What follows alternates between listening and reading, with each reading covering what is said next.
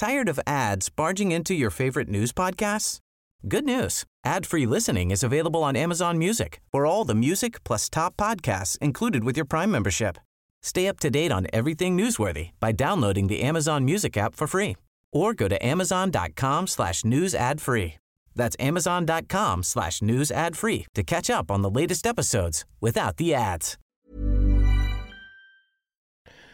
Før vi starter nå, så kan vi snakke litt om vår sponsor, som er TrippelTex. Med TrippelTex så kan du gjøre regnskap veldig mye enklere. Enkelt og greit. Eh, I gamle dager så var regnskap noe som var forbundet med høye kostnader, mye stress, veldig mye manuelt arbeid og generelt et stort problem. Med TrippelTex så er det ikke et problem lenger. Med TrippelTex så er det ikke et problem lenger. Det er et fleksibelt regnskapsprogram. Men det betyr det at du betaler for og bruke det du trenger. Alt er modulbasert.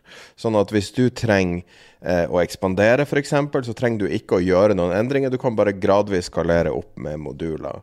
Når det kommer kommunikasjon med Altinn, så er det eh, modulbasert. Når det kommer alle de her leveringene som er så tungvint, har blitt veldig enkel. Og hvis du, hold, eh, hvis du bare gjør det lille arbeidet som trenger manuelt sjøl, så er det veldig lett å henge med og spare penger. og ha eh, komplett oversikt. Når du, når du, driver ditt eget firma, så er regnskap kanskje det viktigste du har. Med TrippelTex så får du også mulighet for en del automatisering, og du kan koble til de andre systemene du trenger. Så etter hvert som du kanskje ekspanderer, kanskje har lyst til å ha en regnskapsfører som jobber med, så er det naturlig at de for de bruker, veldig mange bruker allerede TrippelTex, og du kan koble opp mot TrippelTex for å finne folk, osv., osv. Hvis du har lyst til å prøve TrippelTex, så kan du få 14 eh, dager gratis prøve på trippeltex.no gratis. Og det staves trippel, altså T-R-I-P, L-E-T-E-X.no gratis. They mistook leverage for genius. Leverage for genius. I would recommend Japan. The governments don't rule the world. Goldman Sachs rules the world. Velkommen til episode 204 av podkasten 'Tid er penger', podkast med Peter Warren. Jeg heter Sverre og er produsent, og i dag skal vi snakke om markedet, som alltid eh, starter med der.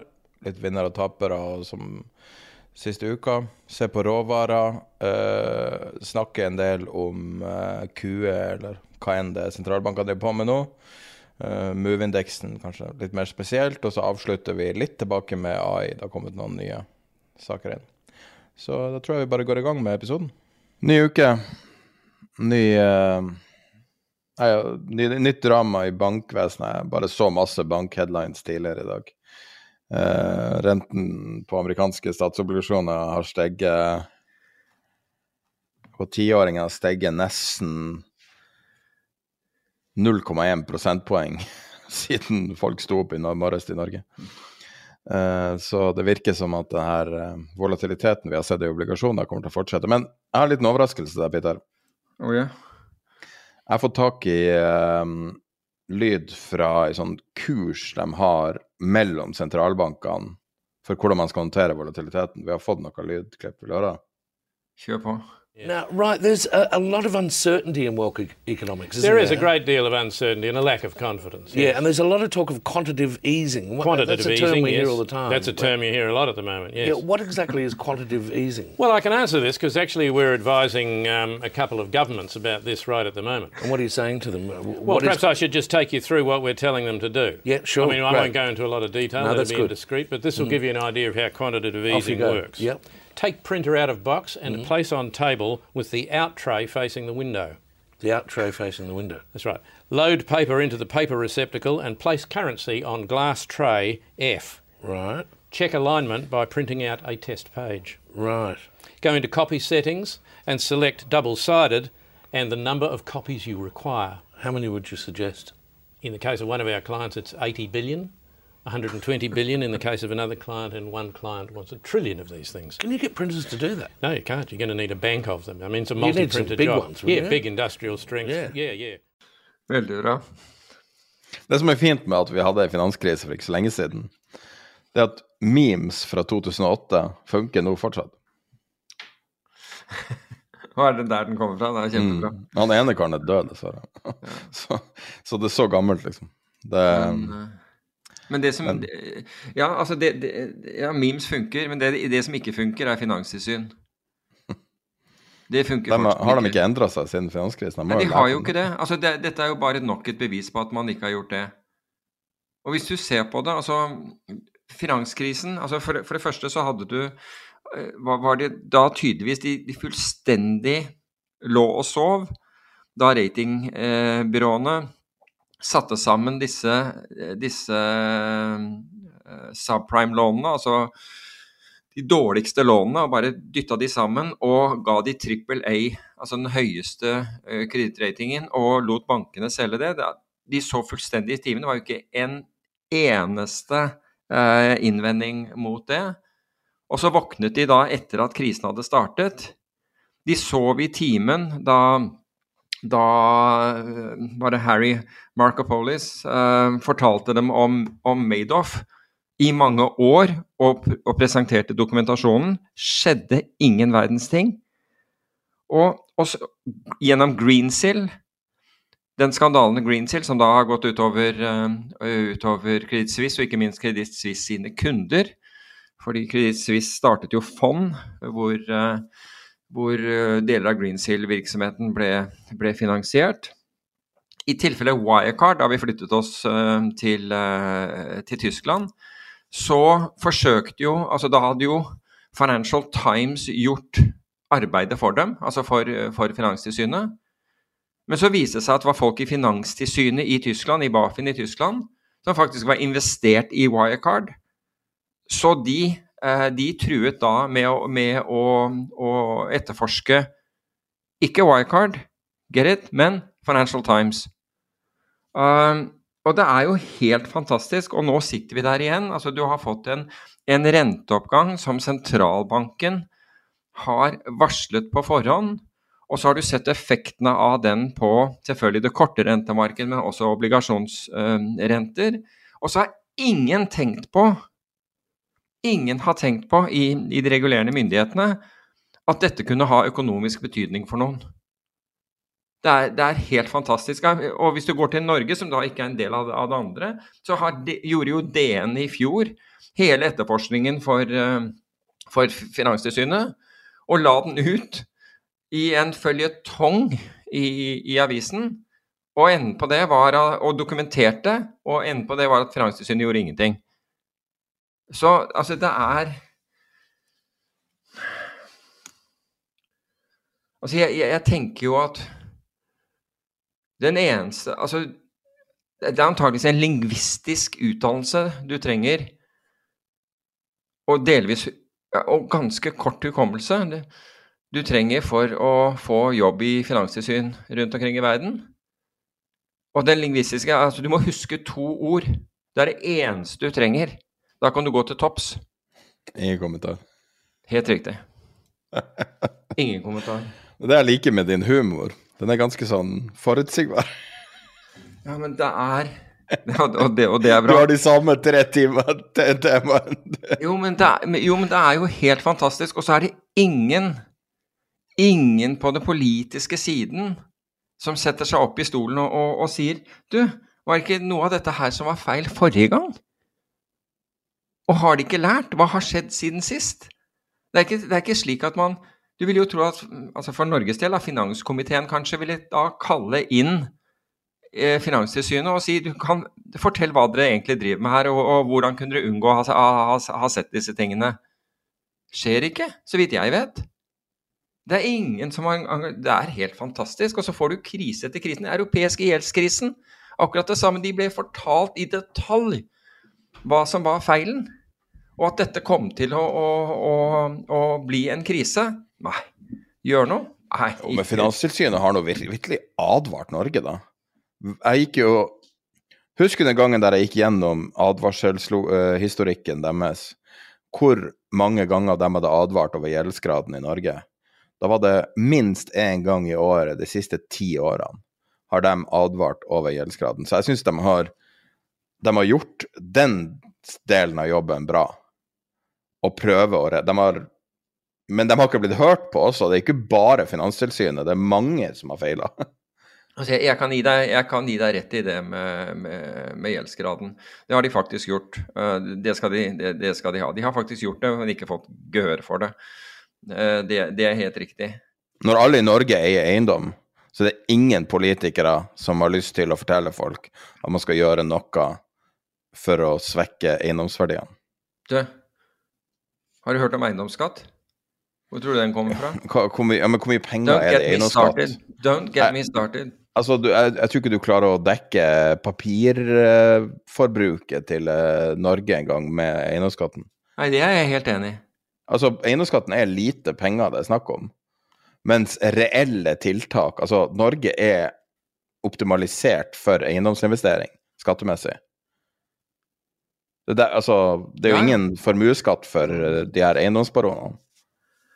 Uh, ja, tenker du De på har belånte piper. Ja, ja.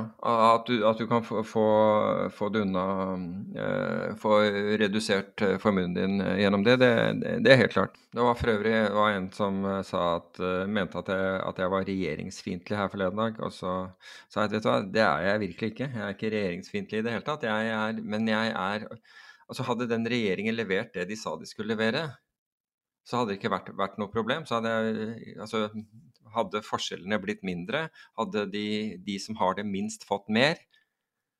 Eh, hadde, man, hadde man redusert, altså holdt igjen eh, prisvekst, men altså, man, har, man har midt i eh, hvor inflasjonen går opp, da, da øker man skatter, eh, øker avgifter ø ikke sant? Det, er, jo ingenting som, som, som, stopper det for å bli verre hos, hos forbruker. Så jeg sa at det er jo, jeg er ikke regjeringsfiendtlig. Hadde de bare gjort det de hadde lovet, så hadde det vært greit. De har jo ikke gjort det. Det er jo det som er poenget. Og, det, og, og sånn ville jeg jo reagert uansett. På hvem som hadde, hadde på en måte brutt uh, valgløftene sine. Og, og den næringsfiendtligheten i, i, i tillegg, som man nå desperat forsøker å i hvert fall retorisk eh, re reversere, det, det, det gjør det ikke bedre. Så nei. Men vi skal kanskje gå til um, og se litt hva som skjedde i markedet i, eh, i forrige uke. Are you up for that? I am. Ja, altså, sånn som jeg så det, så var det jo krypto, tech og for så vidt råvarer som, som beveget seg, eh, beveget seg eh, oppover. Og det var jo gledelig å se at Norwegian Block Exchange fikk hadde, hadde en bounce. De var ledende opp, opp 33% av de, de tingene vi, vi så på, men ikke så bra. Altså, blant råvarene var at eh, var at langsiktige, i hvert fall halv, eh, strømkontrakter, forfall eh, eh, i, eh, i, eh, i, i slutten av juni eh, var, var, opp, eh, var opp 11 og, kullpris, og, og, og kullprisen var opp 9 det er, det er kanskje ikke så, så bra på den, eh, men i hvert fall eh, dette, disse var opp.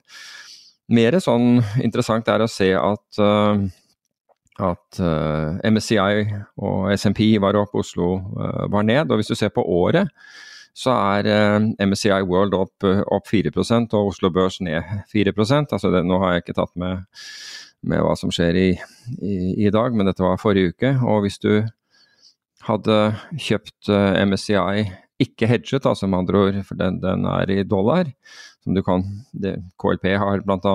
Uh, eh, et sånt indeksfond, så er det opp 9% på året. Så det er ikke til tross for all den dramaen vi har i eh, bl.a. i banksektoren, og ikke minst eh, i, i rentemarkedet, så, så må jeg si at aksjemarkedet, i hvert fall verdensaksjer, hvis du ser på global indeks, så har det gjort det eh, rimelig bra. Og du har vært hedget mot, eh, mot et fall i den norske krone ved å, ved å eie det i, i valuta. Ser på den negative siden i forrige uke, så så var jo containerfrakt falt ganske, ganske kraftig. og Selskapet som er jo sånn proxy for det, MPC som er notert på Oslo Børs, var ned 11% Oil Service i ETF-en var, eh, var ned 11 Eh, Og naturgass i USA og Europa var ned mellom 4 og, og 6% Liten sånn merkelig, eller sånn digresjon var at mens eh, mye i tech var opp, så var ARK ned 3% men, eh, men, men sånn er det nå en gang. Har Ark livets rett fortsatt? Altså, ARK er jo ARK, ikke sant. Med, med, altså, hva er ARK? Det er jo et ventureselskap som, eh, som er børsnotert. Nesten. Det, altså, det er jo ikke venture på den måten, fordi det at, altså, de selskapene er jo nesten er jo, Mange av dem er jo venture-preget, men det er selvfølgelig ikke alle. Du har jo Tesla der, blant annet. og Det er vel få som vil kalle Tesla venture, men det er jo i hvert fall um, det er i hvert fall teknologiselskaper som har uh, liten eller, uh, eller ingen inntjening i porteføljen. Så jeg altså, har den livets rett, jeg. Sannsynligvis Ja, men den Føler du at det er en fyllefunksjon? Det var det jeg mente. Det, Fyller funksjonen Nei, altså du kan si at jeg, altså På mange måter så fylte den den, den funksjonen at du kunne med én med én investering, nemlig altså i, i dette fondet, som er da er børsnotert, så du kunne kjøpe det som en aksje. Hvis du ønsket å kjøpe den mest risikable delen av, av aksjemarkedet, som er da, eh, som er da ekstreme vek vekstselskaper, altså inn, innenfor, eh, innenfor teknologi, så kunne du gjøre det med ett tastetrykk. Du trengte ikke å gå rundt og, og, og forsøke å lage og, eller plukke liksom 5-10-20-30 selskaper selv. Du kunne gjøre det med et tastetrykk. Og i perioden hvor, eh, hvor renten falt og risikoviljen jo, gikk motsatt vei, så gjorde jo ARK det mye bedre enn enn, eh, de fleste andre. Sånn er det bare.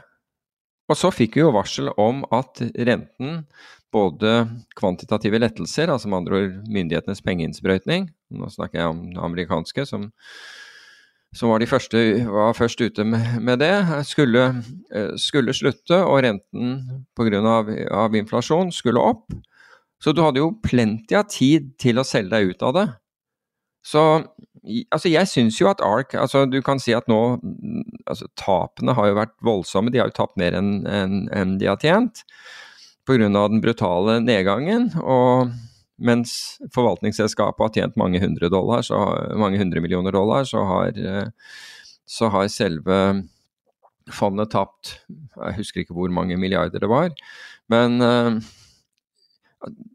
altså jeg syns det har livets rett, fordi er du vet hva du får. Du vet hva du går til. Er, altså Cathy Wood På, på ikke, ikke noe tidspunkt forsøkte hun å si at den porteføljen var dette var, det, det var den tryggeste liksom, og mest veldiversifiserte porteføljen du, du, kunne, du kunne skaffe deg innen finans. Ikke i det hele tatt. Så du hadde muligheten til å komme inn, og du har muligheten til å komme ut på daglig basis. Det er ikke dårlig eh, i, i seg selv. Så jeg vil si at forvaltere som har en idé og er dønn ærlig til den ideen, og holder seg til den ideen, er, altså jeg syns at de har livets rett. Så kan investoren velge hvorvidt man skal være i det eller ikke, men du blir ikke forledet. Det må være, det, det syns jeg må være lov. Om, om det gjelder karbonsertifikater, eller om det gjelder ARK, eller om det gjelder eh, rentefond, da, som, som TLT eller eh, BND og, og disse, så syns jeg heller SPX, hva som helst. Jeg syns de har livets rett, fordi de gir investorene muligheter. Um, så, så så lenge man, man er åpen og opplysende om hva, om hva fondet inneholder og hvilken risiko det har, så syns jeg at det har, at det har livets rett.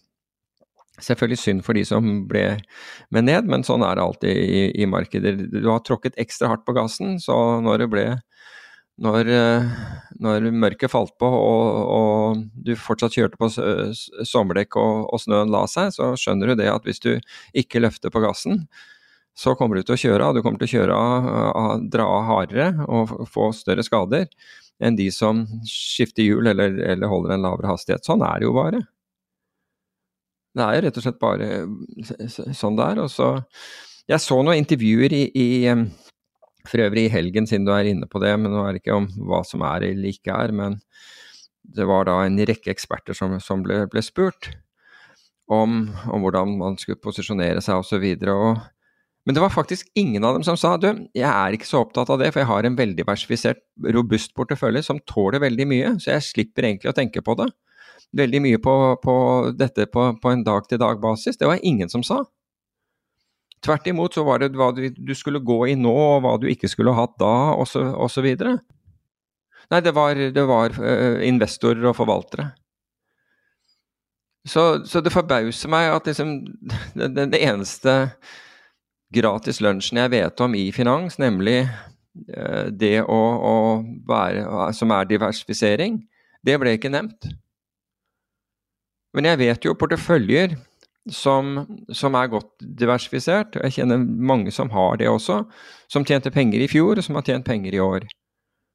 Og de kan godt ha f.eks. aksjefond som har gått ned, i, og, og rentefond som, som, har falt, men de har andre ting som, som steg, og, og, dermed så har, de, har ikke dette vært et problem. Så de, de produserer ikke mengder av eh, kortisol og har, eh, og har våkenetter. Men eh, det er alltid den derre Jeg vet ikke. Folk, folk, skal liksom prøve å finne den hellige gral, den ene tingen som skal gå veldig mye bedre enn andre ting osv. Og, og, og, og da får du en Og da får du en utfordring. Jeg vil si men skal vi gå videre til, til rentemarkedet, for det, det, er på en måte der, der Før vi forlater aksjemarkedet, kan vi kanskje snakke om uh, Deutsche Bank og Charles Schwab. To som uh, virker å være utsatt i USA. Hva du, hva du tror om dem kontra det vi har sett i, i banker i USA? Ja, den, den, store forskjellen mellom de to ved, ved, siden av det nasjonale, det er jo at Schwab faktisk har fått massevis av deposits. Altså de har fått, eh, de har, der, de har fått penger inn fra, fra investor, selvfølgelig i, eh, inn, i, eh, inn i pengemarkedsfondet deres eh, osv. Deutsche har nok opplevd noe annet. Jeg vet ikke hvor, hvor sårbar Schwab er. For jeg, jeg, du kan si at hvis du har penger hos Schwab, så kan du velge å og enten ha de på vanlig, altså på, på konto hos dem, altså du, som du har hos en virksomhetsmegler, eller de tilbyr deg, som de fleste andre amerikanske meglere gjør, å, kjø, å, å investere dem i T-bills, altså øh, stats... Øh, hva kaller de det? Kortsiktige statsobligasjoner. Kort, kortsiktige statspapirer, ja, riktig. Og altså sånn typisk 30 og 90 dagers T-bills, som du ville da fått for kort tid siden over 5 rente på. Så, eller nesten 5% rente på. Det var vel oppe i 5 på noen, på noen av dem. Men så jeg ser ikke at, at Schwab har den Men nå har ikke jeg undersøkt balansen, men jeg ser ikke den, helt det samme behovet hos Schwab men, som, som hos, uh, hos Deutsche Bank. Og så vil jeg jo også si at Deutsche Bank har en mye mer kompleks balanse enn en det, en det, Schwab har. Altså, for de som ikke kjenner Charles Schwab, så de var vel den første discount-megleren, tror jeg. Altså, første, I hvert fall den første som jeg hørte om.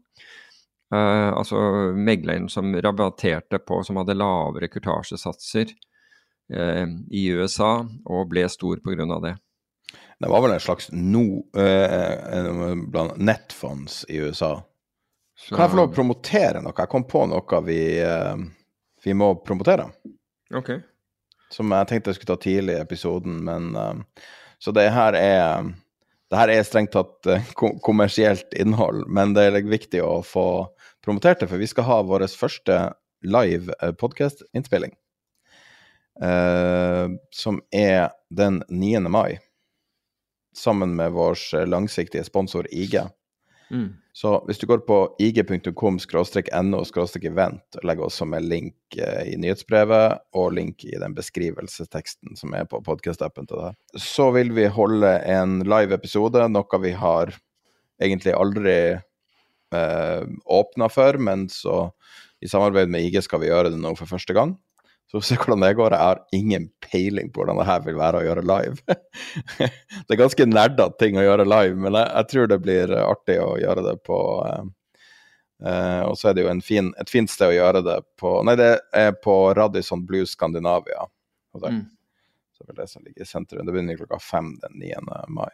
Så hvis du går på den IG-sida, så kan du eh, signe opp. Og så vil det også være um, andre deltakere og litt annet innhold også. Det ser du på sida her. Jeg Vil også tipse om IG har noe som heter IG Academy, som du finner på ig.com. Og der er det en del utdanning, altså tradingkurser og webinarer. Eh, Så allerede i morgen den 28. kan du klokka 12 eh, være med på et sånn webinar. Da er det Rikard Paulsen, som eh, de fleste som har vært med i Finanskart kjenner til. Han jobber jo med IG. Og en som heter Espen Grønstad, som skal holde et innlegg der. De skal snakke om trender og investeringsmuligheter for 2023, og så hvordan de velger å bruke kvantitativ analyse, analyse som tradingstrategi. Altså der kan du, Jeg linker også til det i nyhetsbrevet, så hvis du vil signe opp, så kan du gjøre det. Det er viktig å promotere en sånn event. Det blir litt artig å gjøre det live. Hvordan tror du det blir å gjøre det live? Nei, jeg tror eh, Altså, det blir jo egentlig litt som en sånn paneldebatt med, med, med, med, færre mennesker, tenker jeg. Sånn, så jeg, jeg, tror nok det er, en, eh, er helt greit å, å, gjøre. Jeg ser ikke noe, jeg ser ikke noe uh, store sånn utfordringer i, i i, i, å gjøre det i, i, det formatet, det tror jeg er ganske greit. Ja. Jeg er litt sånn kronisk eh, introvert, da. Eh, det er litt sånn Jeg tror du er ganske introvert også, er du ikke? Jo, jo. jo, jo. Og jeg, kom, jeg, holder jo foredrag i, i Trondheim tidligere eh, samme dag, så, så her så, så, det blir et, ras, raskt skifte. Men jeg ser frem til det. det, er, det er, er også veldig. Det blir artig. Mm. Uh, men det er, det er med sånn skrekkblanda fryd, da. Ja, men det er, det er jo alltid når man, når man, er på en scene. Jeg liker det. IG pusha oss mye, litt. Mye skrekk, liten fryd. Jo, men det er sånn fint å bli pusha på komfortsonen. Jeg liker det litt, fordi at som podkast og sånn er jo et veldig ultranerda liksom, miljø, på en måte. Det er jo litt spesielle folk som lager podcaster, det er litt spesielle folk som hører på podcaster. Det er ikke helt på massenivå. Alle hører jo på podkaster, har jeg inntrykk av. Alle hører på podkaster. 20% av befolkninga eller noe sånt, tror jeg. Er det ikke mer? Altså, jeg, jeg har inntrykk av at uh, når jeg snakker med folk, så, så, så, nevner de at de har hørt en annen podkast svært ofte, eller kommer med informasjon som de fikk på en eller annen podkast. Så jeg har inntrykk av at det er at veldig mange hører på, på podkaster. I 2016 var det da vi starta, så var det 2% Og sist er tall er 14 men jeg har sett noen tall som er sånn 20 eller 30% av Norges befolkning. Så når vi starta, var det bare 2% av som hørte Wow. det visste jeg ikke da. da hadde jeg kanskje ikke gjort det. Nei, nettopp. Nei, nettopp. Så, uh, du trengte ikke ha mikrofonen koblet til engang. vi hadde jo en bug med det første, jeg vet ikke om du husker det. Jeg vet, jeg vet ikke om jeg egentlig sa til deg, for jeg drev og oppdaterte det her på lyttertall da. da husker jeg det, det var veldig urealistiske lyttertall. Mm. så vi sa det i en av de tidligste episodene, så sa jeg lyttertallet. Og vi er fortsatt seks år senere, vi har fortsatt ikke matcha det tallet. Nå har vi heldigvis reviderte tallet. Vi bruker jo Podtoppen, eh, og vi bruker um, Omni sitt system. Og det her er jo den internasjonale standarden for podkasting. mm. Men uh, nei, det er mye man lærer med det her, og det er jo bare å holde på.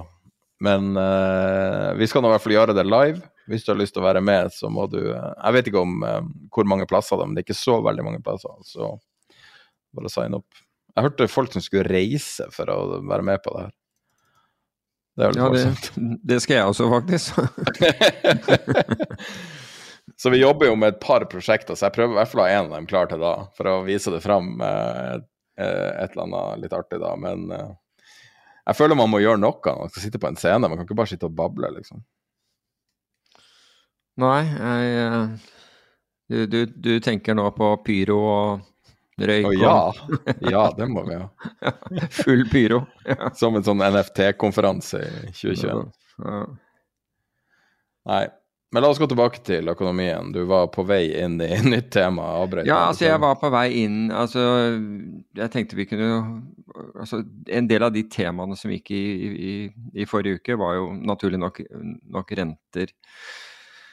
Og, og for så vidt råvarer også, men hvis vi kan begynne med rente, så gikk jo denne Move-indeksen gjennom taket. Move-indeksen er noe som meglerselskapet Merrill Lynch, altså, som var en, av, var en av de største amerikanske meglerselskapene som ble kjøpt av Bank of America. Um, uh, de laget da denne Move-indeksen, som er tilsvarende VIX, altså den måler opsjonsvolatiliteten på renteopsjoner. Um, og Renteopsjoner på amerikansk stat. På amerikanske stat, helt riktig. Og, og den gikk gjennom taket. Og, og det, er jo, det er jo et paradoks her, fordi den går til liksom ny all time high, og samtidig så er VIX-indeksen langt, langt fra det. Og Så man kan liksom spørre seg hva er, hva er liksom er, er rentevolatilitet det kan i hvert fall oppfattes slik. Er det irrelevant? Men, det er, men la meg forklare at det er, er, det ikke, og hvorfor det ikke er det, og hvorfor det er egentlig veldig viktig å følge med på. Og det er fordi altså når vi har store svingninger i rentemarkedet, så blir det svært vanskelig for bedrifter å budsjettere både kostnader og investeringer som skal gjøres. Og, det, og du kan si at når renten da bestemmer eh, nåverdien eh, til, til bedrifters fremtidige inntjening. Håper, håper, at ikke det var for vanskelig forklart, men det ligger i hva, hva, jeg, hva jeg, sa. Så vil endringer av renten, den, den, vil da fort vippe om en investering og, og en, en fremtidig inntjening er lønnsom eller ikke. Så når, når, vi fra dag til dag ser store svingninger på renten, så vil bedriftsledere oppleve at eh, virksomheter deres går fra å være eh, lønnsomme til å bli uh, det motsatte, liksom, tapsbringende investeringer, til å bli lønnsomme til å bli tapsinnbringende. Og hva resulterer denne volatiliteten i. Du kan tenke deg du sitter her som bedriftsleder og skal, skal, beslutte hvorvidt du skal gjøre en investering eller ikke gjøre en investering. Den resulterer i apati, at du stopper opp. For dette er så gærent at du, du, du vil ikke fatte beslutningen fordi grunnlaget for å fatte den beslutningen endrer seg hele tiden. Og dermed så, får, så du kan si at alle beslutninger om investeringer, om nyskapninger, arbeidsplasser osv. som blir utsatt, går utover økonomien. Så det større svingninger du har i disse rentemarkedene, du ønsker at de Selvfølgelig, vi alle ønsker at, at renter skal være lave, i hvert fall de som har gjeld, og det er de aller, aller fleste av oss. Vi ønsker jo egentlig at, at renter skal være lave, men det er ikke praktisk over tid at renter er null eller under null, eller det er heller ikke praktisk hvis de er, er for høye, men vi ønsker å ha forutsigbarhet. Og når du ikke får den forutsigbarheten, i hvert fall i en, en periode hvor du har politisk uforutsigbarhet også, så stopper du opp. Du sier at dette her er jeg nødt til å, på, øh, legge på is, og det vil et styre være helt enig i, for dette her kan vi ikke drive med. Altså, vi, vi kan ikke fatte disse beslutningene i tilfelle vi gjør en, en, en, en grov feil her. Så vil de utsette disse beslutningene. Og derfor er det viktig å få ro i rentemarkedene. Så hva er problemet i rentemarkedet? Altså Hvorfor får vi disse enorme svingningene? Jo, blant annet fordi Bankene deltar ikke i dette markedet fordi de fikk ikke lov lenger til, til, å, til å, ha den risikoen de hadde eh, tidligere. og Det er en følge av det som skjedde under finanskrisen. Da fikk bankene valget. Enten, ved, enten må man styrke egenkapitalen, eller så får man ikke lov å ta den risikoen man hadde. Og da, De aller fleste bankene sa da at vet du hva, hvis, jeg ikke, kan ta, ikke jeg kan ta risiko på samfunnets eh, bekostning, så, ikke, så, så, gidder jeg ikke å ta risiko. Hvis jeg må ta den selv, så er jeg ikke så interessert i den. Bankenes aksjonærer mente det samme. Har ikke så lyst til å Nei, hvis det går gærent, så har ikke jeg lyst til å tape. Det var mye bedre når staten tok tapet, så da var ikke de interessert. Så plutselig så trakk en, en stor gruppe aktører seg ut av markedet, som var med på å stabilisere markedet. Og inn fikk du høyfrekvenshandel, som rett og slett er Uh, å betrakte som å hive en varm potet fra person til person. Du, du, du kan ikke bli sittende med altså hvis du, sitter, hvis du tar imot den poteten og, og holder den i hånden i, i, mer enn et sekund eller to, så, så, gjør det vondt, så du hiver den til, til, til nestemann. Og det øker også fluktuasjonene. Og når da tilbake til det vi snakket om, Finanstilsynet i verden ikke har blitt bedre, så slik at feil som gjøres er akkurat de samme som, som var, var, tidligere, så får vi en veldig mismatch mellom hva markedet er i stand til å gjøre, og hvilke forventninger folk har til, til, til markedet. Så i dag så er, det, så er, det, slik at vi har hatt enorme svingninger i rentemarkedet. Men av en eller annen grunn så har ikke de også blitt overført til aksjemarkedet. Så vil noen si at ja, men bankene har falt i verdi. Helt riktig. Vi har sett deler av markedet falle, men i forhold til de svingningene vi ser Altså rentemarkedet og markedet for statsobligasjoner er uendelig mye større enn aksjemarkedene. Og det er det profesjonelle markedet. Og når det profesjonelle markedet er livredde, og du ser bare de hvite i øya på dem, så burde vi i det noe mindre profesjonelle markedet, med, andre ord aksjemarkedet, antageligvis sette oss opp i stolen. Men det har man ikke gjort. Så, så du kan si at dersom Altså, det, det, hvis du tar og ser på denne Move-indeksen og deler den på SMP 500, så vil du se at dette her er ekstrembevegelser, og, og bevegelser som vi ikke har sett på, på, på lenge. Altså disse to i forhold til hverandre. Det betyr ikke nødvendigvis at aksjemarkedet, eh, volatiliteten, altså svingningene i aksjemarkedet, skal rette opp. Fordi svingninger i rentemarkedet forhåpentligvis kommer ned. Men hvis ikke svingningene i rentemarkedet kommer ned, hvilket myndighetene gjør veldig mye for at, at skal skje, uh, gjennom tiltak, og det er først og fremst amerikanske sentralbanken som har gjort, men uh, også andre sentralbanker har sagt at de skal de skal uh, delta i dette. Hvis de ikke, mot, altså hvis de ikke skulle komme ned, så vil garantert svingningene i aksjemarkedet komme opp. For disse tingene hører sammen uh, over tid. Du kan få midlertidig uh, splittelse mellom disse to markedene, rett og slett fordi det, det, skjer så brått, og det skjer i rentemarkedet. Men det som skjer i rentemarkedet av store bevegelser, har en betydning for aksjemarkedet. På samme måte som aksjemarkedet har reagert positivt når, når, når, eh, når de amerikanske korte rentene brått kom ned.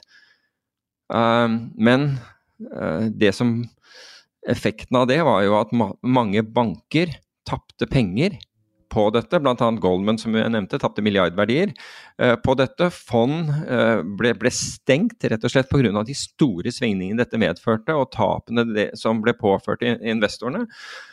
Så et fond som var Men jeg tror ikke det er stengt, men det var ned 44% Og det er bare på noen dager.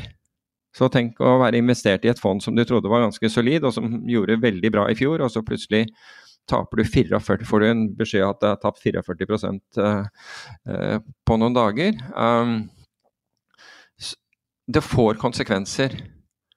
Så det er viktig, det er faktisk viktig å følge med på det som skjer i rentemarkedet, og forstå at det har en stor betydning for økonomien, og dermed også for aksjer, altså selskaper, eh, eh selskapene fremover stor betydning eh, på disse. Så vi er ikke løsrevet. Og når eh, problemene blir store i USA, som er, altså, som er dollaren, som er verdens eh, største fundingvaluta, så kan det lett eh, spre seg problemer som følge av det.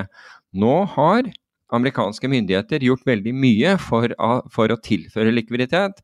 Faktisk, når jeg, når jeg så på noen tall i forrige uke, vi, vi, har da hatt en periode Vi hadde da eh, kvantitative lettelser i, i perioden fra 2008 og frem til, frem til 2021.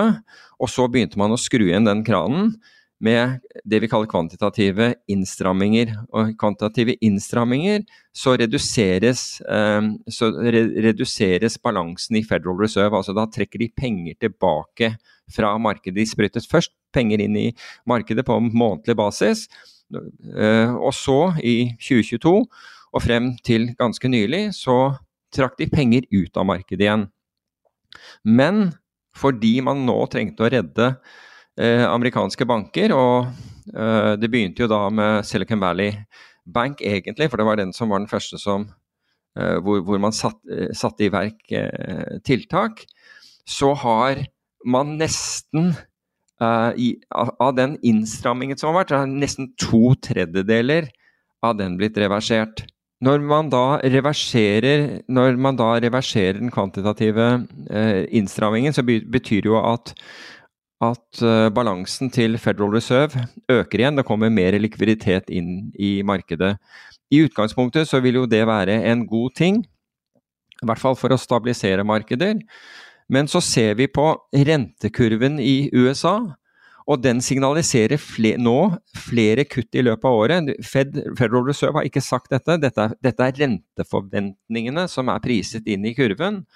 Og hvis de er riktige, eller hvis den er riktig, så betyr det så, så, er konklusjonen av det at den eneste årsaken til at Federal Reserve vil sette i gang en, en serie kutt, uh, f.eks. i, i annet halvår, vil være at USA går inn i en resesjon.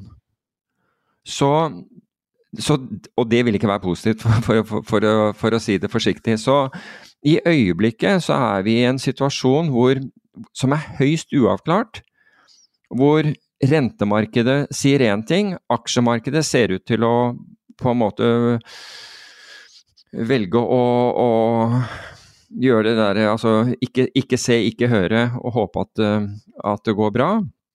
Eh, bankene er midlertidig eh, reddet. Også, nå, nå snakker jeg om amerikanske banker, fordi i og med at de får nå låne Eh, de, eh, de, får, altså de, de, kan ta disse statsobligasjonene som de har store tap på, og gi, til, gi som sikkerhet til den amerikanske sentralbanken og få fullt oppgjør for dem. Altså som om, som om, de, som om de, ikke hadde falt i verdi. Altså de, får da låne altså La oss si at de har en statsobligasjon som er verdt 80 eh, cent. Så får de låne én dollar på den. Så tar du vekk den der umiddelbare faren for, for en bankkrise, tror jeg. Altså, da må det skje noe nytt nå for at, for at det er, er, er tilfellet. Men det, det, er jo igjen snakk om at staten kommer inn og redder. Men vi er ikke, vi er ikke kvitt problemene med dette, men vi er kanskje vi er kvitt den der akuttfaren for at for at uh, en, en, en, bank, i hvert fall av, av noen størrelse, uh, går under. Så, så, vi lever i, i krevende tider. Det er, det, er, det er i hvert fall helt sikkert. Er det QE forever nå? Ja, bortsett Altså By a different name. Ja, nettopp. Nettopp fordi det er jo ikke QE, fordi det, er, det foregår ikke ved bond buying. ikke sant? Altså Her, her uh, tar man inn obligasjoner som sikkerhet, som er, så det er ikke det at man, man uh, gjør det vi vanligvis kaller en, en QE. Men jeg tror jo at myndighetene vil ut av en situasjon hvor det er QE forever. fordi hvis det er QE forever, så altså, hva gjør du med inflasjonen oppi det, oppi det hele? Dette er jo ikke en bra, uh, en bra situasjon. Jeg syns bare Janet Yellen, den amerikanske finansministeren, virker å være veldig gira på å holde sirkuset i gang ja. til evig tid. Og når jeg har sett hun uttale seg om f.eks. om det er bærekraftig med så mye gjeld i USA på statsnivå, så svarer hun på en ikke-emosjonell, nesten robotmåte som får meg til å tenke at hun går ned med flagget til topps. Det her kommer ikke til å endre seg. Kommer, de kommer til å kjøre på igjen og igjen og igjen. Altså hadde jeg, altså Janet Yellen får noe over fem millioner kroner i året i, uh, i uh, uh, Speakerfees. Ja, i, hva heter det på norsk? Altså i, i honorar for å holde, for å holde foredrag for, for, amerikanske banker og, og, og, deres kunder. Så hun vil nok helt sikkert ha interesse i å holde dette der i gang, ja. Jo, men noe, altså, hele hennes legacy er jo basert på det her. Det ja, var jo en videreføring av altså, Hun var jo, var jo sentralbanksjef tidligere og har jo veldig stor mm. egeninteresse av å, å, ikke endre retning. Men jeg må si at å se på hennes uttalelser, se på hennes Altså, bare, bare liksom se på henne som et menneske. Så mister jeg litt håp for finanssystemet. Um, Altså, jeg mister jo håp til et system som ikke har evnen til å forbedre seg. ja, men det er det jeg mener. Det her er bare more of the same. Ja, det er på en måte Og, og det, det, kan ikke anses som, uh, som, positivt. Men nå har vi Vi har jo altså, andre utfordringer i, øko, i økonomien, ikke, ikke, minst inflasjon. Så vi går jo Balanserer jo på en knivsegg her. Så, så, det er ikke enkelt. Men på den annen side altså, så har jeg inntrykk av at folk begynner å våkne opp til den muligheten at Eller til realiteten. Altså, vi har alle eh, stort sett noe penger i banken, og så tenker vi at vi har penger i banken, for der, der, står det trygt, og så tenker vi ikke så veldig mye mer over det. Annet enn at vi har registrert at utlånsrenten har, har, har eh, at differansen mellom utlånsrenten og det vi får i, i, i banken, er blitt høyere, er blitt større. Men det siste, altså det som har skjedd nå i år, som begynte da med Silicon Valley Bank, har jo gjort folk mer bevisste på at det de driver med, er at du låner penger til banken din når du putter penger på konto og har de på konto. Det er faktisk ikke et utlån du gjør til banken. Og når man blir mer bevisst på det, så begynner man, tenke, begynner man, jo fort å tenke at blir jeg egentlig kompensert for risken ved dette utlånet? Ja, to millioner og alt det, og, og den biten der. Ja, men når, det er stor forskjell mellom bankene også. Fixed rate har jo lært oss det, og, og lært oss hvordan vi skal finne ut av det osv. Får jeg, får jeg en rente her som er rimelig i forhold til den risikoen jeg tar? Og jeg skal love deg det, at når når, når, kundene blir mer bevisst på det, gjelder meg selv øh, også, bare, bare så det er sagt, så vil du se skift. Det er jeg temmelig sikker på, at du vil se skift vekk fra de bankene som omtrent ikke gir deg noe som helst. For du tenker, hvorfor skal jeg låne pengene mine til? Altså, vanligvis så tenker vi at vi har, de står på konto, det er, det er behagelig, jeg kan få det ut fort. Men det er et utlån du gjør til banken. Husk på det. Og, og, hvis du tenker på det slik, så blir man litt mer bevisst på hm, blir jeg egentlig kompensert for dette? Kanskje jeg, skal, kanskje jeg skal søke, kanskje jeg skal prøve å finne noe som er eh, sikrere? Og Det kan jo være at eh, det kan være alt fra, fra, fra, rentefond, det kan være at jeg går til en annen bank som, gir, som jeg tenker at denne banken her er ikke, er ikke, fullt så utsatt for de tingene som jeg er redd for. kan kanskje i økonomien. Kanskje jeg skal ha pengene der, og de gir meg dessuten en bedre rente. Så jeg tror, kan, jeg tror, dette her vil gjøre folk mer bevisste. Og det er definitivt gjort i USA, fordi de har jo trukket så mye penger.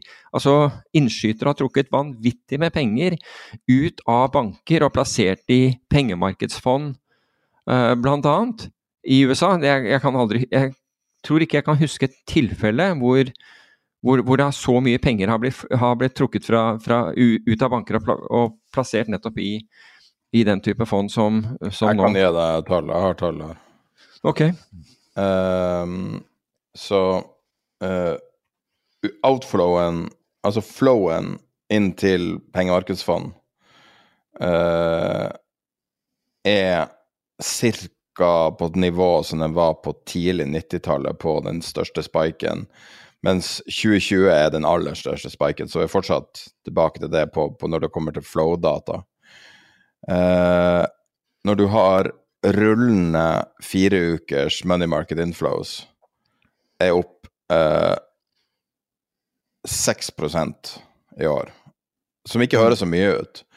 Og 2020, som var den største usikkerheten, på en måte større usikkerhet enn finanskrisa i en veldig kort periode, da var det 17% Så det er, har vært høyere også i relativt nylig tid. Okay. Men spiken vi ser i inflowsen, er veldig distinkt på et Det, det, det her er et ganske sånn flatt marked på in- og outflows. Det ebber litt sånn frem og tilbake rundt nullen. Men uh, eh, 2020 og 2023 står ut som store spikes, og så tidlig 90-tallet, og, og, selvfølgelig finanskrisen. Og så er det én ting til som um, kan være interessant å, å, følge med på, som veldig mange har på en måte gledet seg til å, fokusert på. Det er jo den, den, renteforskjellen som er mellom den amerikanske toårs statsobligasjonen og den amerikanske tiårsstatsobligasjonen, 210-spredden som den kalles. Den gikk jo negativ, og jeg husker da den gikk negativ, så skulle alle bortforklare det at den gikk ikke så mye negativ, så det betød ikke noe osv. Men det viste seg at den var ganske ledende for, for, for uh, hva som skjedde. Så for bare noen uker siden nå, så var den faktisk Da var toårsrenten 1,1% høyere enn tiårsrenten. Altså da har du en negativ eh, rentekurve. Men så kom den amerikanske sentralbanken inn, for da hadde vi alle disse problemene rundt uh, Silicon Valley Bank osv. Og, så og så har og forholdet nå, altså sist jeg så det var, var 0,31, altså fortsatt så er toåringen høyere enn renten på toåringen høyere enn på tiåringen. Og så gleder alle seg til at dette her skal snu til at tiåringen får høyere eh, rente enn en, en toåringen. Men altså, den gleden burde du ikke ha hvis du er, hvis du er aksjeinvestor. Fordi eh, faktisk en ved Universitetet i, i Tromsø, eh, Eirik Rønning Nilsen, sendte meg da en, en, en oversikt over, eh, over, den utviklingen, og, og, i forhold til hva som skjer i aksjemarkedet. Og de gangene vi har sett det, og da, da snakker vi om, eh, om i, i, 2000 Jeg husker ikke om den inverterte i 2007 eller 2008, altså hvor den kom tilbake igjen. Altså hvor, hvor lange renter eh, steg over, eh, over, de korte. Men du har der, du har ved dotcom, og du har i 98 osv. Alle tilfeller så faller aksjemarkedet. Så det er kanskje verdt å liksom sette seg litt opp i stolen og kanskje ikke være så helt fokusert på å, oh, det skal bli så bra, når, den, eh, når uh, yield-kurven uh, snur oppover igjen. Da, da, blir det virkelig bra. Det, det, er ikke helt sikkert at det vil være bra for aksjer, i hvert fall ikke i, det, i, i, den, i den, nærmeste tiden etter at det, det, skjer. På lang sikt så er vi alle døde likevel, men, og vi, vi tror jo egentlig at aksjemarkeder langsiktig vil, vil, gå oppover fordi økonomiene eh, for økonomiene eh, ekspanderer, men, vi, men vi, det kan være, det kan være mye, små, mye, smerte på, eh, vi må, vi må, håndtere på kort sikt likevel. Men i hvert fall en, en varm takk til uh, Eirik Rønning Nilsen for å, ha, for å ha sendt over det chartet. Skal jeg touche innom en helt idiotisk konspirasjonsteori som kom fra Y Combinator sin, uh, sitt nettsted Hacker News? Kom igjen. Det er sånn oppstarts, uh, oppstartsversjon av Reddit og Twitter og sånn. Uh, eh, CNBC har sletta fem sider på sitt nettsted. for det, kro det, er kronisk dyrt og vanskelig å få tak i data på CDS, Credit Default Swaps, forsikring på obligasjoner. Og noen oppdaga at før helga så sletta CNBC, JP Morgan, Bank of America, PNC, Trust Financial og Wells Fargo sin CDS-side, men ikke Goldman Sachs og Deutsche Bank. men så gikk jeg bare inn og så fort, og så ser jeg jo at dataen her slutta å oppdatere seg, så det er nok sannsynligvis bare det at det her ble for dyrt for CNBC å, å videreformidle. Men uh, det var en artig teori om uh, som sånne konspirasjonsteorier ofte er, så er det litt sånn søkt. ja, det, det, har jo litt med, med når, eh, altså hvor sårbare markeder er når eh, sånne ting kommer ut. Og er de sårbare, så slår jo sånn eh, gjerne ganske kraftig ut. Det her er et IT-fokusert nettsted det havna mm. på. Interessant. det er mye folk i Silicon Valley som er bekymra for bankene nå. Ja, så ja, det, er nok, det, er nok, mer utfordrende enn en på lenge, men, men, du kan si at altså hvis du har altså Too big to fail-banker de, er, Som jeg har sagt tidligere, de behandles som de behandles i, i vestlig verden som hellige kuer gjør i, i India. De kan, altså de, blir, de kan gjøre fra seg overalt, men blir stelt godt med uansett. Sånn er det. Har du vært i India? Er det kuer på gata? Jeg har ikke vært i India, men det, det, det, skal, det, skal, det nå være. Um, FOMC var, var det onsdagen. Mm. Altså det amerikanske rentemøtet og avgjørelsen. For første gang på lenge så gadd jeg ikke å se på det. Jeg sjekka inn på litt headlines uh, via uh, vår sånn nyhets-newswire-tjeneste. Og så så jeg litt på markedet og sa å, å, nå er det ned. Oi, oi, oi. Oi, oi, nå er det opp. Oi, oi, oi, oi nå er det ned. Oi, oi. Vet du hva, jeg er så pisslei av at alt vi gjør, er å sitte og vente på pengepresser. At det er nesten ingen vits. Hva, hva jeg bryr meg om hva han sier? Altså, hva, hva er det de kan si som ikke er sagt? Etter 15 år med det her tullet her, der vi helt desperat prøver å late som at ting ikke kan gå galt. Mm. Og det er jo selvfølgelig forferdelig å si når vi lager en økonomipodkast, og hvis det er én ting på jorda som påvirker økonomien, og spesielt finanser, mer enn noe, så er det sentralbankene. Men går det ikke an at vi kan snakke om noe annet? Altså akkurat nå for tiden så er, så er de jo ganske viktige, så Men du skjønner hva jeg mener? Det var Jo, mitt jeg, jeg, syn jeg, på FHNC. hva, FOMC. hva du, jeg forstår hva du, hva, du mener, men eh, det var jo heller ikke de svingningene som vi har sett tidligere. Så det var nok en del som, som var enig med deg. Eh, jeg, satt, jeg satt også og fulgte med, men det var Jeg var eh, Altså normalt sett så så ville jeg ikke være i markedet i det hele tatt mens, mens akkurat noe sånt nå foregikk. I hvert fall ikke med kortsiktige modeller, men, men det gikk faktisk an eh, i, i dette tilfellet uten å uten å uten, enorm risiko, for å si det på den måten. Ikke det at jeg, at, eh, jeg vil la, eh, ha ordre i markedet akkurat når, eh, når annonseringen kommer. Det, det, det, det er jeg ikke rask nok til, for å si det på den måten. I hvert fall ikke rask nok til å få dem ut. Så. Men råvaremarkedet har jo vært litt Har jo ellers vært eh, spennende på mange måter, fordi eh, Oljen er svak. Ja, oljen er svak, og, og det er interessant eh, Det mest interessante der altså Det er jo en del sånn fundamentale forklaringer rundt det. Eh, man har jo ventet bl.a. på at SPR, altså amerikanske eh, strategiske petroleumreserver, skal begynne å kjøpe tilbake en del av den oljen som, som de har solgt, og det har ikke skjedd foreløpig. Men nå viser det seg også at det er vedlikehold på mange av, eh, av eh, disse, eh, disse oljelagrene, som gjør, gjør muligens at det er litt vanskeligere enn en ellers. Men det har liksom ikke Seriøst? Er det fysisk vedlikehold? Stopper dem fra å pumpe ut olje? Ja, altså de, ja, altså, ja, altså i øyeblikket så, så er det er Jeg tror det er en eller annen form for ve- vedlikehold på tre av fire steder, men om det betyr at du ikke kan pumpe noe inn, det, det, noe kommer jo sikkert inn uansett. Men visste ikke den der testen at å praktisk gjennomføre et kjøp Altså, eh, nei, altså tilbakesalg inn til markedet, at det var vanskelig å gjennomføre? Nei, altså De gikk jo ut med en tender her for hva kan det være, en måned siden eller noe sånt. Og jeg husker jeg sikkert feil at det er enten litt kortere eller, eller litt lenger. Um, og så, Men de avviste alle, alle, alle tilbudene de fikk. Så, og, men det var jo bare for tre millioner fat, så det var jo ikke, en, var ikke noe størrelse av, um, av betydning. Så, men, så, så det er nok én ting som skuffer markedet. Men, jeg tror, altså, men det vi har sett, og som etter min oppfatning gjør det spennende For det første så mener jeg jo at, at balansen her er skjør.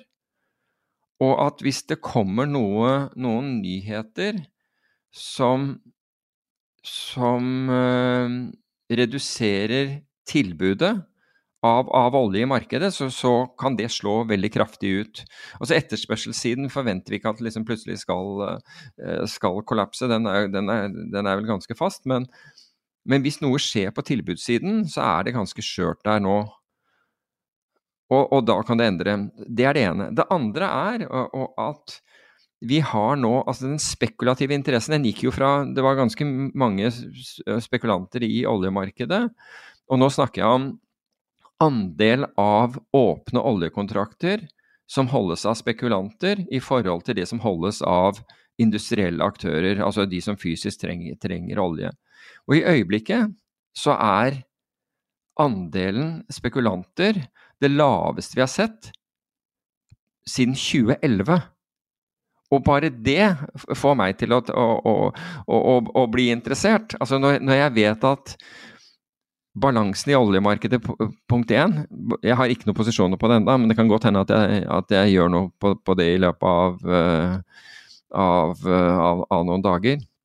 Eh, men, men balansen er skjør, og det er det er få spekulanter i markedet. Altså, vi har, som sagt, vi har ikke sett så få spekulanter holde oljekontrakter siden, siden 2011.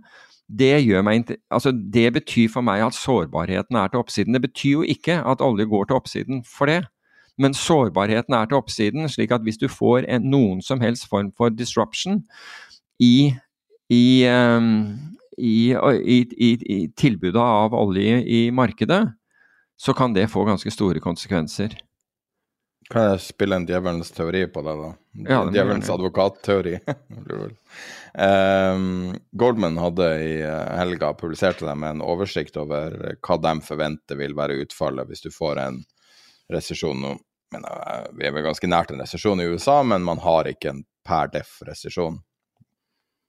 Så publiserte de uh, alle mulige slags verdipapirer og hvordan det har gått i, i 2023, og hvordan de tror det vil gå i 2023 som helhet med en resesjon og med en, en mild vekstreduksjon. Eh, så spørsmålet da er kan man se på bankindeksen og olje som ledende indikatorer på det her, for oljen er 9,3 i henhold til Kolmen. 9,3% så langt i år, eh, og KBV, bankindeksen, er ned 19 og Hvis du da ser på kolonnen som de har lista opp med resesjonsscenario, så bankindeksen med et sånt resesjonsscenario er ned 25% og olje ned 16% Nesten alle andre indikatorer er langt unna sine, både mm, de moderate veksttallene, men også resesjonstallene.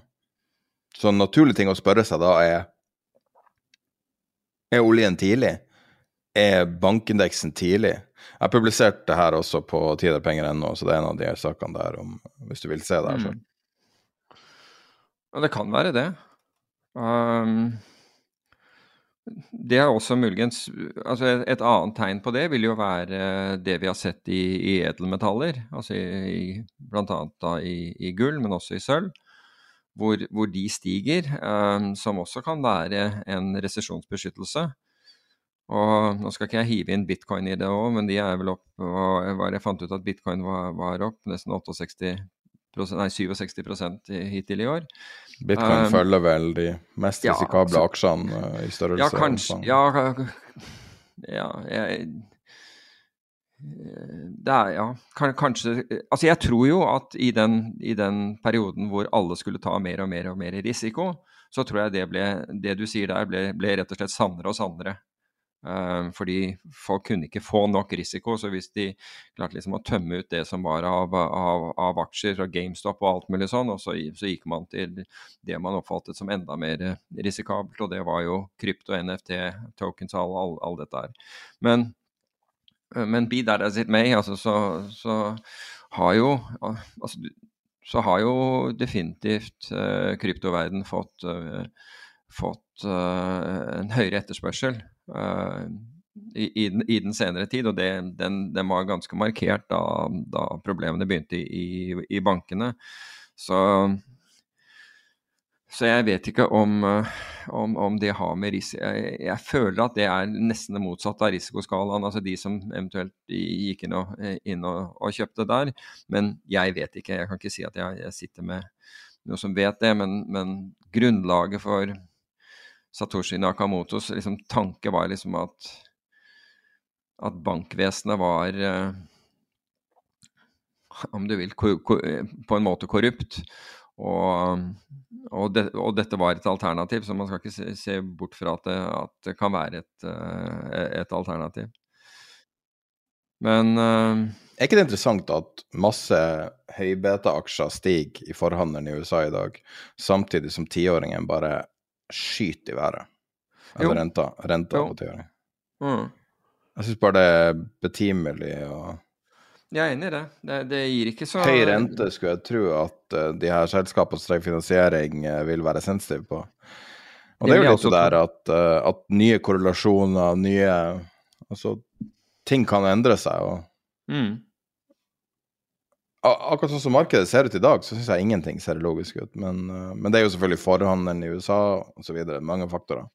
Ja, ja. Men um, det er ikke så lett å skjønne seg på markeder, og det er ikke lett å se nye epoker osv.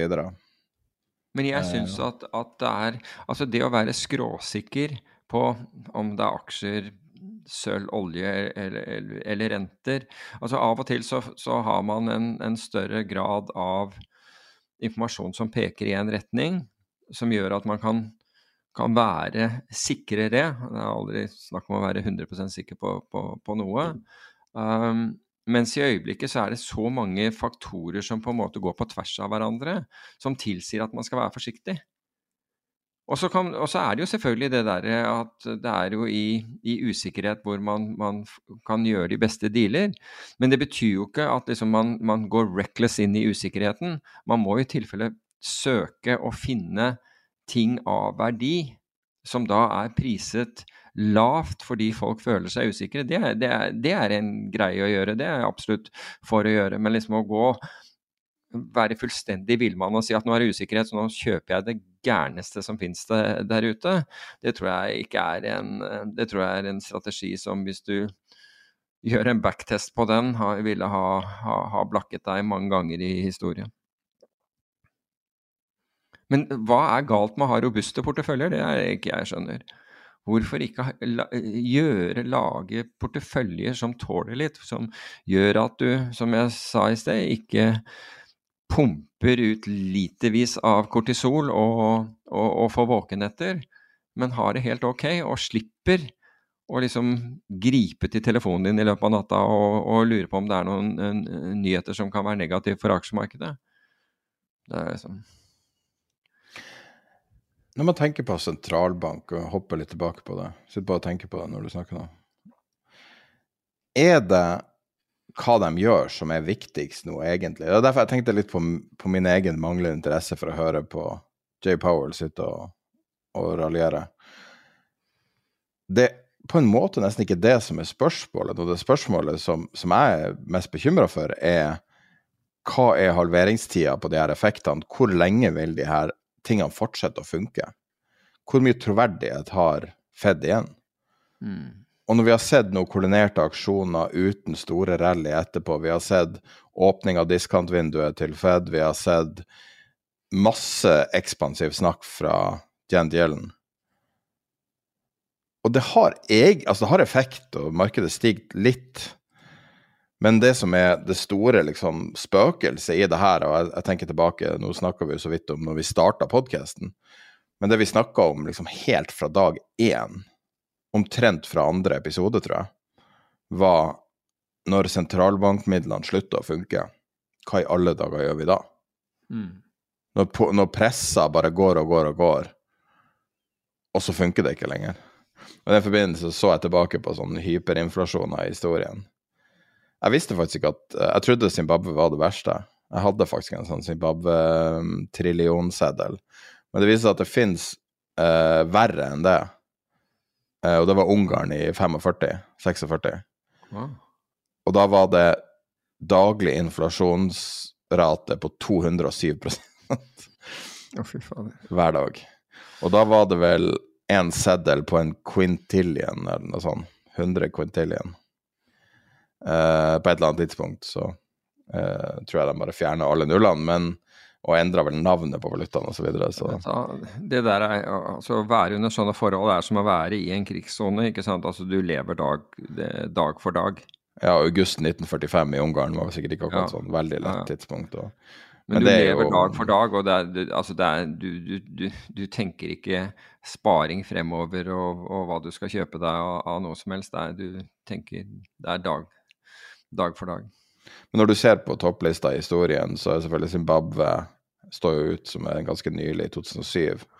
Men så var det en, en lang rekke av de her med 300 millioner prosent inflasjon i året og sånn. Så, så sent som 92.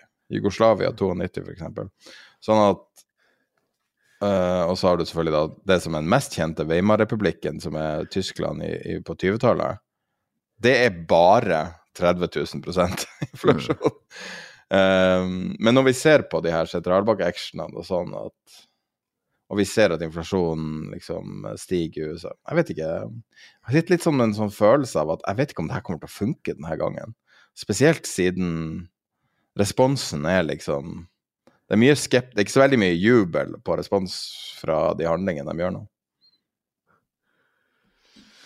Nei. Kan jeg ta en annen sånn derre eh, Den er helt irrelevant, egentlig. Som, som, det er ikke en fun fact heller, men forleden så skulle jeg eh, bestille eh, flybillett.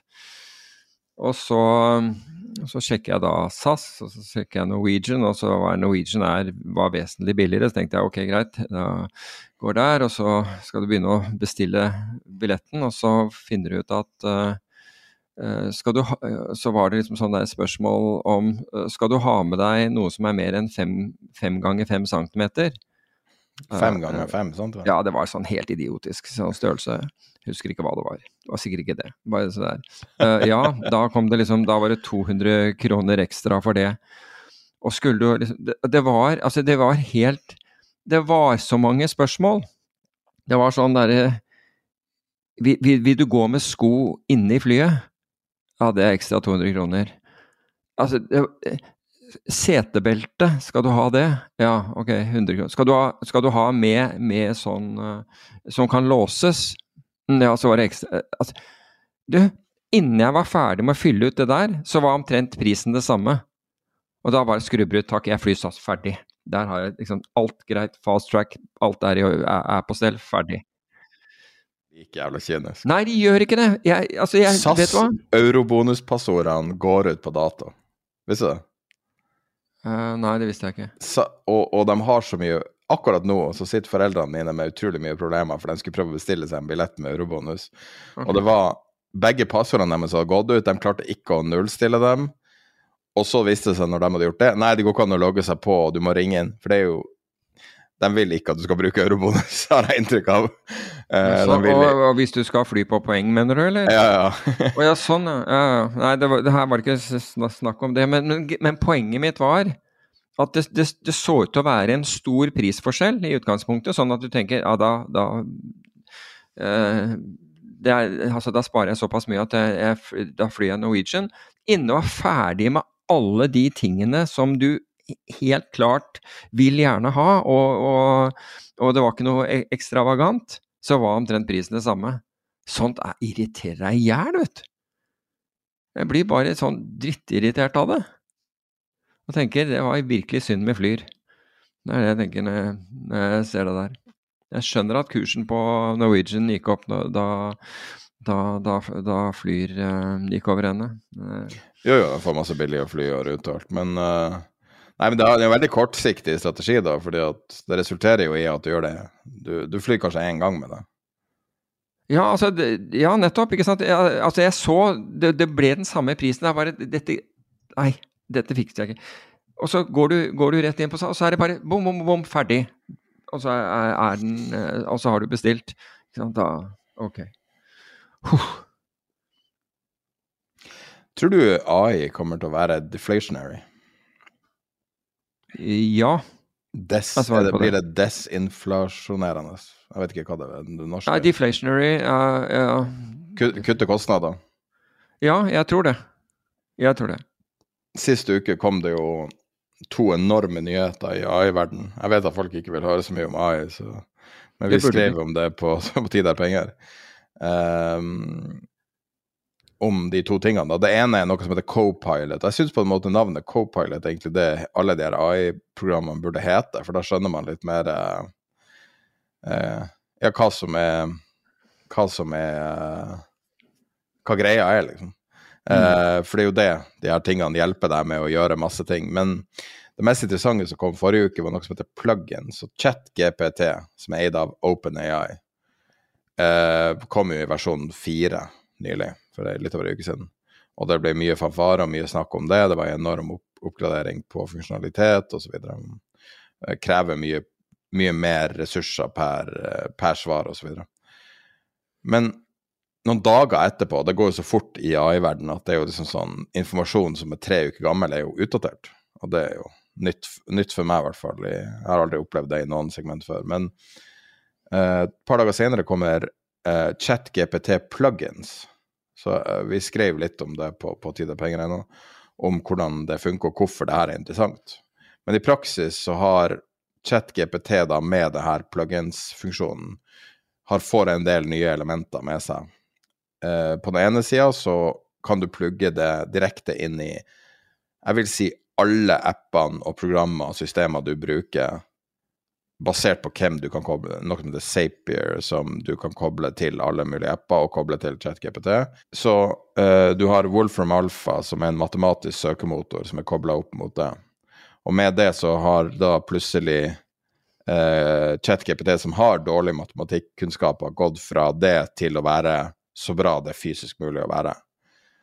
Um, I tillegg så har den fått uh, mulighet til å se, altså at den kan lese bilder og bruke det Altså du kan laste opp bilder som kan brukes.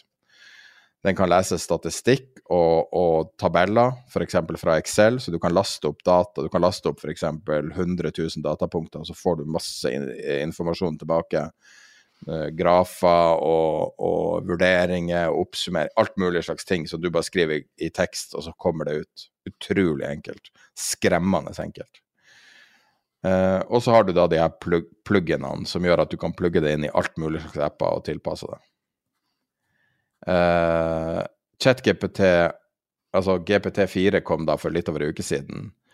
Og det her, som er i alfautgave, blir på en måte nummer fem. Og det er her allerede ei uke senere.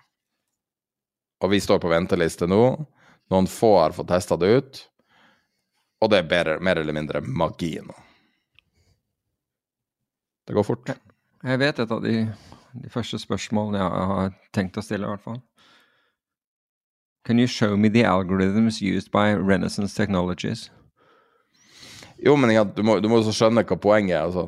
Den har jo ikke proprietær informasjon. Nei da, jeg er klar over det. Men, uh, men alle som jeg kjenner som har prøvd, jeg syns dette her er uh, Altså prøvd uh, ChatGPT uh, are raving about it. Jeg har selv ikke, ikke, prøvd annet enn at jeg ga deg en, en uh, spørsmålsstilling som jeg syns den svarte veldig veldig bra på, bare så det er sagt. Men uh, Hvorfor har men, du ikke prøvd? Det er utrolig enkelt. Ja, ja. Det, det, har bare med at jeg har hatt mye annet å gjøre. Så, men ja. jeg, definitivt skal jeg gjøre det. Hvorfor tror du folk misliker dette temaet så mye? Blir møtt med endring, veldig mye irritasjon. Endring. Og det merker jeg det er spesielt folk som ikke vil ikke liker endringer. Endring, det å måtte lære seg noe nytt uh, og tenke vansker og ser det som en, uh, som en, en barriere og en uh, intrusion, uten at jeg husker helt hva det heter på norsk, men altså at det er rett og slett invaderende og, og noe du blir påtvunget. Jeg tror det er det. Jeg syns det, det er det som går igjen.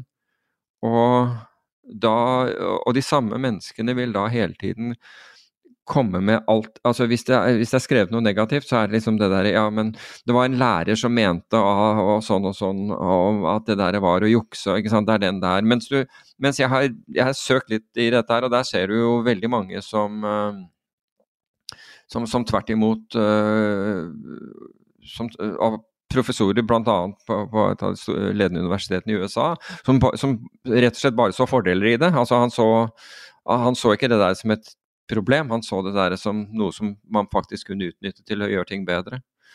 Så jeg tror det er endring.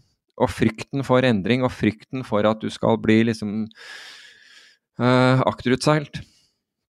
Men det er jo nettopp det som er, er the brilliance av denne av, der man er kommet nå, det er at det kan brukes pretty much av, av hvem som helst. Da. At du trenger ikke store for, forkunnskaper. Det er ikke sånn at du må kunne, kunne programmere i Python eller noe sånt for å kunne bruke, en, eh, for, for å kunne bruke ChatGPT. Så, så jeg, tror, jeg, tror, at det er det. Men uh... Ja, nei, det, det, vekker veldig sterke følelser. Jeg må jo si at i meg sjøl så kjenner jeg på en veldig sånn ambivalens på den ene måten så er det veldig sånn fascinerende med sånn type teknologi. Men det er noe mm. det, det, det, det, er ikke vanskelig å tenke jordas undergang når du begynner å se på de her tingene her. Og, tenke, og spesielt tempoet det går i. Du ser de folkene som prøvde å hive seg på første bølgen og begynne å utvikle egne businesser. Mm. Det finnes i hvert fall 2800 forskjellige prosjekter som har nådd en eller annen grad eh, av uh, en eller annen grad av uh, liksom, ferdighet som er knytta opp mot OpenAI og ChatGPT. Mm. Og når, når du ser tempoet av nye funksjoner som lanseres, så tenker jeg at man kan nesten ikke basere seg på å utvikle en business ved siden av det her, fordi at før du rekker å komme i gang, så er det en funksjon allerede der. Mm. Det bare, alt bare skjer, og det er jo nettopp fordi det er så enkelt. Og eh, så Vi snakka med en programmerer i forbindelse med et veldig spesifikt eh, prosjekt til, til vår hjemmeside. Uh, og han sa at uh, 85% av det han gjorde på sånne her ting Jeg vet ikke om det var i, i hverdagsjobben, men, men jeg vil tro det også var allerede erstatta med ChatGPT. Men han har jo, og det er nettopp det, han har jo de ferdighetene som han kan evaluere og justere. Mm. Og det er der det der co-pilot-fenomenet Det andre ting som ble lansert de siste uka, var eh, eh, det som heter GitHub Copilot X. Eh, og det er eh, i praksis en, eh, en måte der du kan optimalisere arbeidsflyten for en programmerer. Og gjerne en, en programmerer med ekte liksom, skills, som kan evaluere koden som kommer inn, og justere den. Og, og det som han, utvikleren som vi snakka med da i forbindelse med hjemmesida, men også andre utviklere som vi har kontakt med, så er det det at arbeidsflyten deres er endra for alltid. Og, Mm. Men det betyr ikke at, at noe er automatisert. På en måte ingenting er automatisert. Det er bare Du har en kopilot. Du har noen som er med deg og hjelper deg å bruke ferdighetene dine, i stedet for at du skal bruke ferdighetene dine til å punche. Mm. Sånn at hvis man ser det sånn, hvis man hadde kalt det kopilot, litt sånn Tesla kalte den der, jeg vet ikke om det heter autopilot, full self-drive, du det. Og hadde de ikke kalt det full self-drive, så ville jo folk ikke antatt det. Altså, det er jo ikke full self-drive. Ja, det er- menneskeliv. Ja. Mm. Ja. Men, men hva man kaller noe, har litt betydning. Så jeg syns co-pilot var et fint begrep for å, for å forstå hva Ja. det er. Og også Og det- for å være er- litt mindre redde. Ja. Fordi at jeg kjenner på den frykten som alle kjenner på, ikke sant. Mm. Nei, altså, jeg, tror det er, det, jeg tror det er kjempespennende. Men uh, det er, det, jeg tror det er, det er frykten, og jeg merker jo selv at jeg, at jeg kan ha den type, type frykt. Og så er det embrace that fear og, og, og, og lær deg i hvert fall hva, hva det dreier seg om. Så er det store muligheter at du kommer ut i andre enden og sier shit, det her skulle jeg jo sett på før. Og så må jeg jo si at det er ganske Det må være ganske bittersweet for dem som uh, var veldig interessert i, i krypto og ser at Nvidia, som er et selskap som har tjent kanskje mer kroner og øre på krypto enn nesten noen andre, fordi at du måtte bruke deres eh, hardware for å utvinne kryptovaluta. Nei, si krypto, bare tenk alt, bitcoin, alt sammen.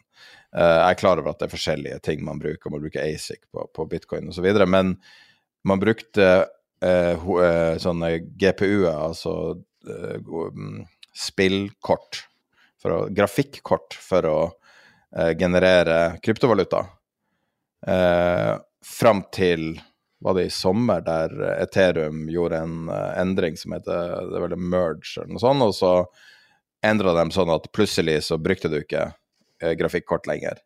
Og da snakka vi om ja, det skal være vanskelig for Nvidia å finne noe som erstatter kryptovaluta. Og nesten på slaget når det skjedde, så kommer AI som tilfeldigvis Nvidia var helt klar for. Mm. Og så kommer og så, de, og så har de både den prosessoren som heter Eller eh, de kortene som heter A100 og H100 som er den nye. Og så har de liksom det perfekte produktet til kunstig intelligens for å fylle de her datasentrene. Og det er jo mye mer interessant som en business case, for masse av de tingene som kritikken med krypto følger ikke med samme til AI, selv om det bruker også ufattelig mye ressurser og strøm og alt mulig. Så har det ikke det tiltrukket seg samme kritikken, mens Nvidia har bare surfa opp som en sånn megavinner i det her. Og så går de ut, uh, The Guardian skrev, og så sier de at kryptovaluta har ingen verdi for samfunnet. Det er litt weird, Ja, er etter alle de pengene. Ja, du, du har liksom Den største kunde har akkurat blitt erstattet av en, av en annen kunde, og så disser du da den, eh, det som nettopp var din største kunde. Det er, det er eh, som, som det ble sagt på en, en eh, TV-reklame en gang, litt spesielt. Kan, kan jeg bare avslutte med, med litt på, på råvarer? Og det er På kraftmarkedet så er det interessant, for bl.a. i, det, i, i, eh, på debatten så var det jo snakk, snakk om at ja, tradere bidro til å holde til å, til å, selge når det var høyt og, og, kjøpe når det var lavt. Men kraftmarkedet i UK, og der er det energi, altså ministeren i, i, i England som krever granskning av enkelte aktører som man der mener har tvert imot kjørt, marked, kjørt markedsprisene unødvendig høyt opp.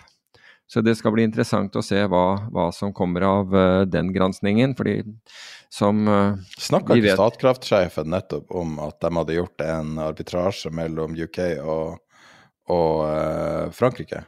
Sa ikke han akkurat det?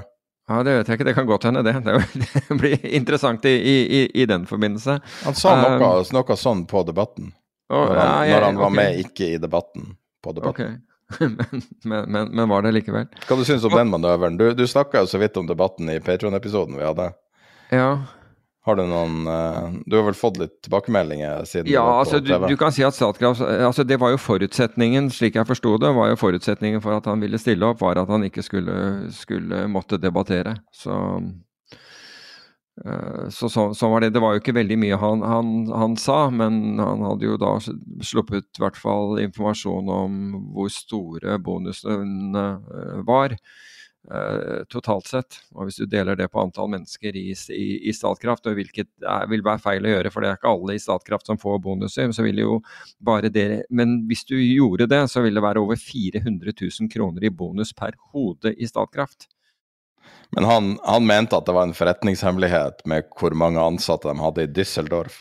Forresten, ja. hva i alle dager er logikken med at Norge skal outsource sin energitrading til random eh, folk med utenlandske pass i nei, Düsseldorf? Kan ikke man ha det her i Oslo? Nei, men ja, det er fordi de betjener det, det tyske kraftmarkedet også. Så, og det jo, gjort i, i, i. Det kan du gjøre herifra, altså. Du må ikke sitte i Düsseldorf. Nei, det, det, kan godt hende at infrastrukturen i dag er, er, slik at du absolutt ikke må gjøre det. det. det. kan du ha rett i. Men mens vi er inne på det, så, så kom det jo da en nyhet, og det var Dagens Næringsliv som, uh, som blasta den om, traft, eh, om tradere eh, som da hadde rett på, bo, på, på, store bonuser. Dette var ikke Statkraft som ikke fikk det, det var tre tradere som hadde, som hadde bonuser. Og de kom ikke fra et statlig strømselskap, eller de, de er fra Energi Danmark, det kan være statlig det, da. Tre, mellom, de, de, har opparbeidet seg bonuser, de hadde rett på bonuser på mellom 375 og 450 millioner kroner hver. Og når du vet at Statkraft er vesentlig større enn det, så, så må, du, må, jeg si at du begynner jo å lure på bonusstørrelsen. Eh, til, til, til, enkelte i Statkraft. For det, fordi eh, det er som jeg sa, det er neppe 400 000. Altså hver person i Statkraft fikk ikke 400 Altså vi vet jo tallet, vi vet tallet. Vi har jo publisert det på Tidepenger. Det er minst 3,4 millioner per hode. Sannsynligvis 1-0 til på enkelte, kanskje to. ja, nettopp. Altså du kan si at det er et relativt fåtall tradere som har, har, har, liksom knocked it out of the park. Så, men her, her, ser vi da eksempler på, på hva bonusene ble for uh, tradere hos Energi Danmark. Og det var jo det var jo så det, det var så det holdt, for å si det på den måten. Det er deilig og det der å ikke risikere egne penger og ha en balanse bak deg, så da, da, da kan du ta i litt. Og i fjor var det tydeligvis lønnsomt, i hvert fall for, hvert fall for noen. Men jeg må jo si at det er veldig uspiselig å begynne å si at man skal ikke betale bonus. At det kan du bare glemme hvis du har signert Ja, ja, det, og det sier jeg jo ikke at man, man skal gjøre heller. Uh, men det er jo det de sier, de prøver å holde tilbake. Og... Ja, ja, ja, jeg vet det. Men det var, det var, ikke det som var poenget mitt. Poenget mitt var bare størrelsen på dem. Ja. Så det var egentlig det var, da, da, fikk man litt inntrykk av hva, hva hva størrelsen kan være i, i det markedet. Men uh, jeg kjøper ikke det argumentet til Statkraft om at det her markedet er så sensitivt at man kan ikke snakke om noe offentlig. Nei, nei, nei. Det er jo bare, det er bare tull. Det er jo pinlig for dem, det er jo den eneste grunnen til at de ikke uh, Ja, det er it's, it's, Som man sier i England, it's a pickle. mm. Men skal vi runde av eh, episoden nå? Yes. Da er vi tilbake neste mandag med en vanlig episode. og tror kanskje vi får til en ekstra episode også denne uka. Yes. Ha en flott uke. Tired of ads barging into your favorite news podcasts? Good news. Ad-free listening is available on Amazon Music for all the music plus top podcasts included with your Prime membership. Stay up to date on everything newsworthy by downloading the Amazon Music app for free or go to amazon.com slash news ad free. That's amazon.com slash news ad free to catch up on the latest episodes without the ads.